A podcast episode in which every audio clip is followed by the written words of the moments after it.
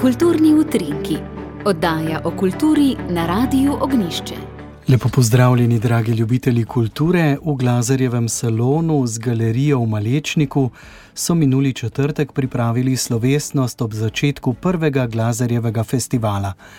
Otvoritev je spremljalo odprtje razstave z naslovom Ko zgodbe o pozabljeni malečniški preteklosti pripovedujejo arhivi. Prvič so na ogled postavili nekatere originalne listine iz Glazarjevega obdobja. Glazarjev festival je potekal pod častnim pokroviteljstvom rektorja Univerze v Mariboru, profesorja dr. Zdravka Kačiča, ki je festival tudi odprl. V petih dneh so se zvrstili različni dogodki za otroke in odrasle, tako so denimo v soboto pripravili romanje po glazarjevih poteh v Ruše in v Gradec, včeraj v nedeljo pa so po sveti Maši položili venec na glazarjev grob pri cerkvi Matere Božje na Gorci.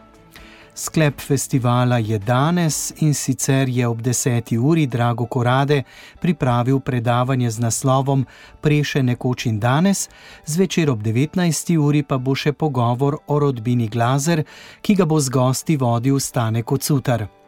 Glazarjev festival nosi ime po duhovniku, pesniku, pisatelju, prevajalcu in narodnem buditelju Marku Glazarju, rojenemu leta 1806, umrlemu 1889, ki je skoraj pol stoletja vodil župnijo v Malečniku je nesporno ena najpomembnejših osebnosti tako za slovensko, kot tudi za avstrijsko, štajersko in koroško, saj mu je škof Anton Martin Slomšek, s katerim sta bila osebna prijatelja, zaupal največjo skrb pri prenosu škofijskega sedeža iz Šentandraža v Labotski dolini v Maribor.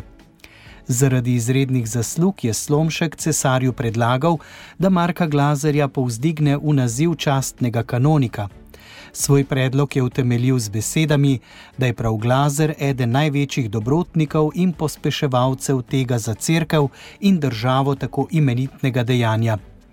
Med drugim je dal Marko Glazer pozidati kapelice znamenitega križevega pota na Gorco, poslikati je dal obe cerkvi, tako župnijsko kot romarsko cerkev Matere Božje na Gorci, obnovil je oltarje, prenovil župnišče in gospodarsko poslopje, bil je med začetniki šmarnične pobožnosti na slovenskem. Prizadeval si je tudi za izobrazbo deklet in v ta namen zgradil samostan in iz Egenberga v Malečnik pripeljal šolske sestre. No, lani junija so v župnišču v Malečniku pri Mariboru slavnostno odprli Glazarjev salon z galerijo umetniških del. Marko Glazar je še vedno živo na vzoču v naših krajih, je takrat ob odprtju povedal župnijski upravitelj, duhovnik Sebastian Valentan več kot 130 let po njegovi smrti, nas še vedno nagovarja z ohranjeno zapisano besedo, bodi si v pridigah ali v prozi in poeziji, je še povedal Sebastian Valentan.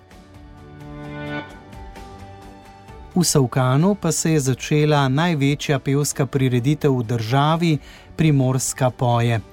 Po dvoletnem prisilnem premoru zaradi epidemije letos pripravljajo skupno 36 koncertov, ki bodo vsak konec tedna do 19. junija v dvoranah, na odprtem in v cerkvah po vsej primorski, v zamejstvu v Italiji in na Hrvaškem. Na reviji bo skupno nastopilo 184 pevskih zborov vseh vrst mešanih moških in ženskih. Nastopili bodo tudi okteti, vokalne skupine, skupine ljudskih pevk in pevcev, dekliški in fantovski zbori, klape in komorni zborovski sestavi. Na revijo pa pridejo tudi slovenski zbori za mejstvo v Italiji in na Hrvaškem, ter tudi slovenski zbori z Mačarske. V okviru prireditve bodo pripravili tudi dva posebna koncerta: Šmarnični koncert na občinah 31. maja in pa večer, ki ga bodo posvetili 70-letnici smrti Vinka Vodopivca, ta bo 25. junija v Šempetru pri Gorici. No, prireditelji se bodo spomnili tudi obletnic slovenskih skladateljev, dirigentov, profesorjev glasbe, glasbenih pedagogov, priznanih opernih pevcev, pa tudi še živečih jubilantov, ki so pomembno zaznamovali ali še zaznamujejo slovensko zborovsko petje. Revijo Primorska poje tradicionalno skupaj pripravljajo Zveza pevskih zborov Primorske, zbor in društva o pomoči območnih izpostav Javnega sklada Republike Slovenije za kulturne dejavnosti na Primorskem, Zveza kulturnih društev iz Italije, pa Zveza cerkvenih pevskih zborov iz Trsta ter Zveza slovenske katoliške prosvete iz Gorice. Zaključna koncerta letos bodo pripravili 19. junija in sicer v Zavrhu in Pivki. In to je bilo tudi vse za danes v kulturnih utrinkih, z vami sem bil Jože Bartol.